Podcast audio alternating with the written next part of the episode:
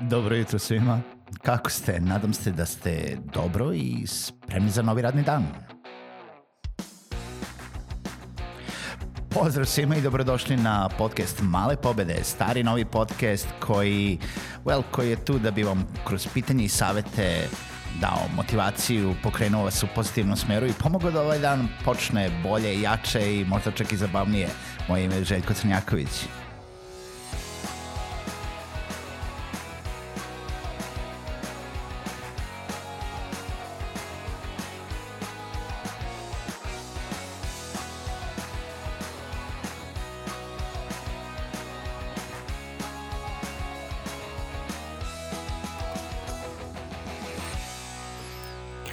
Dobro jutro svima, dobrodošli u novu epizodu podcasta Male pobede.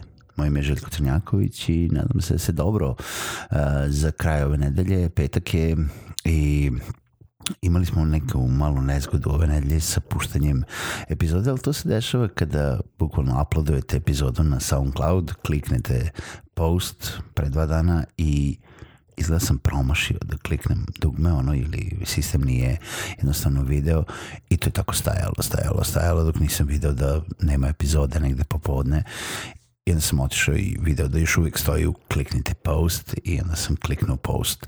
E, tako da, ali čuda se dešavaju, to jest e, deta, nesreće se dešavaju i e, ipak nismo promašili još e, ni jedan dan. E, danas e, želim da pričam sa vama vezano za jedan e, članak koji sam pročitao gde kaže da će um, urbani životni stil milenijalaca uskoro postati uh, mnogo skuplji nego što je to do sad bio ili nego što su ljudi navikli, a o čemu se zapravo radi? Radi se o tome da uh, od negde početka ove dekade, 2012. 13. godine, ima, postoji sve veći broj uh, eh, startapa. I sad ovo se naj, najviše odnosi inače na Ameriku, ali videli smo i mi negde e, slične modele. E, postoji sve više startupa koji se bave jel da, lakšim životnim stilom. Uber za nešto, jel da, kao što je naš Cargo, pa onda imate Uber, pa imate tako neke aplikacije za restorane, pa imate aplikacije za, u stvari, dostavu hrane, za prevoz, za one, one električne skutere, za milion drugih stvari koje vam ulakšaju način na koji vi, uh, jel da, živite svaki svoj dan i, i na primjer aplikacija koja vas nagrađuje odete negde u restoran i postoji aplikacija Seated koja vam ukoliko je koristite za bukiranje Uh, restorana u New Yorku, ona vas nagrađuje sa cashom, sa, sa bukvalno kreditima koje možete potrošiti na Amazonu ili na uh, u, da kupite kafu negde i jednostavno dobijate cash samo zato što idete redovno da koristite. Sad zamislite vi to prebacivanje u našu kulturu gde uh, imate aplikaciju koja vas nagrađuje sa određenim jel da, bonusima samo zato što koristite. Nije nečuveno, ima i kod nas ovaj, neki takvih aplikacija, to je bar su bile pokušane, o, neke se još uvijek razvijaju, ali širom sveta je sve popularnije jel da, imati te uh, takve aplikacije i tek startupi koji se bave tim životnim stilom uh, rade u minusima ogroman broj godina. Uh, ne znam koliko ljudi zna recimo Uber uh, koliko godina postoji i koliko milijardi dolara obrće u smislu prihoda, rashoda uh, oni su nikada nikada, pored svih onih investicija, nisu bili u plusu. Oni su i dan danas u minusu zato što troše nenormalnu količinu para na e, pretpostavku razvoja i na u stvari dolaženje do svoje ciljne grupe, u stvari na marketing, na brand awareness, na dolaženje do svoje uh, ciljne grupe. Uh, imamo WeWork koji je bio globalni korporativni coworking brand e, koji je trebao da izađe na e, da ima svoje IPO, jel da, ovaj, initial um, price offering na berzu, da izađe na javno, pretpostavke su bile da će da bude nešto basnoslovno veliko e, i onda u negde u, u istom periodu kada je Lyft koji je pandan Uberu izašao na berzu i bio daleko manje nego što su očekivali e, WeWork je odjednom povukao e, svoj izlazak sa berze bukvalno par dana pre, pre nego što je izašao na iznenađenje svih najviše svojih zaposlenih koji sada više ne znaju u kojoj su u finansijskoj situaciji. WeWork, pardon, radi u e, širom sveta, u preko 10 ili 20 zemalja, e, ima ogroman broj zaposlenih, znači ima preko 20.000, 30.000 zaposlenih koji rade za taj brand, jel da, i koji rade na tom održavanju zajednice, izdavanju kancelarija i svemu ostalom što je WeWork hteo da industrializuje celu coworking sferu, ali zapravo sada kako je izašla i druga vest da kako je WeWork uh, nije izašao na IPO, kako je smenjen direktor, kako su nastale neke naznake da li možda ima nekih drugih finansijskih ulaganja gde radnici više ne znaju na čemu su i ne znaju koja je budućnost kompanije, pa su malo krenuli da se zapitaju. WeWork WeWorkov odgovor na njihovu brigu jeste da otpušta 2000 radnika, što je ponovo jedan katastrofalan potez, barem sa ovaj sa strane ono, ne znam, pažnje prema radnicima i ovaj, nekog dobrog imidža kompanije.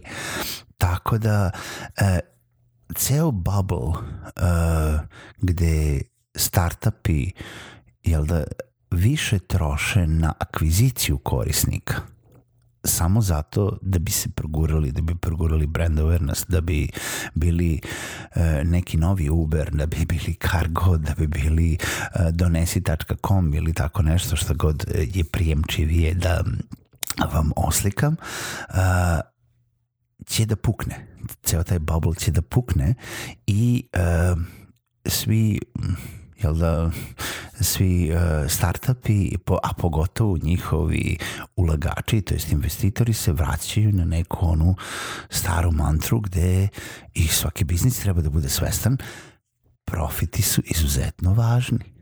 Možemo mi da budemo uh, socijalno preduzeće, možemo da radimo za dobrobit čovečanstva, ali jedini način da opstanemo nakon x vremena jeste da vidimo koji su to profiti.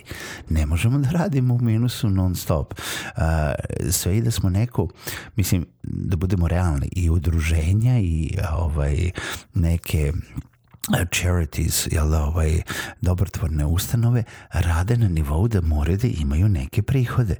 I morate da imate prihode koji su veći od rashoda, što znači da morate da imate profit, da bi mogli da uložite dalje u svoj posao, da bi mogli dalje da se širite, da bi mogli da uh, unapređujete svoje usluge i da naravno vaši radnici budu plaćeni. Nema uvek, mislim, ovaj ceo tech bubble mene podsjeća na celu situaciju, ako ćemo pričati konkretno za nas u Srbiji, na celu situaciju od pre, eh, ne znam, opet početka ove dekade, gde su se, ne svi, ali velika većina populacije živela van svojih mogućnosti.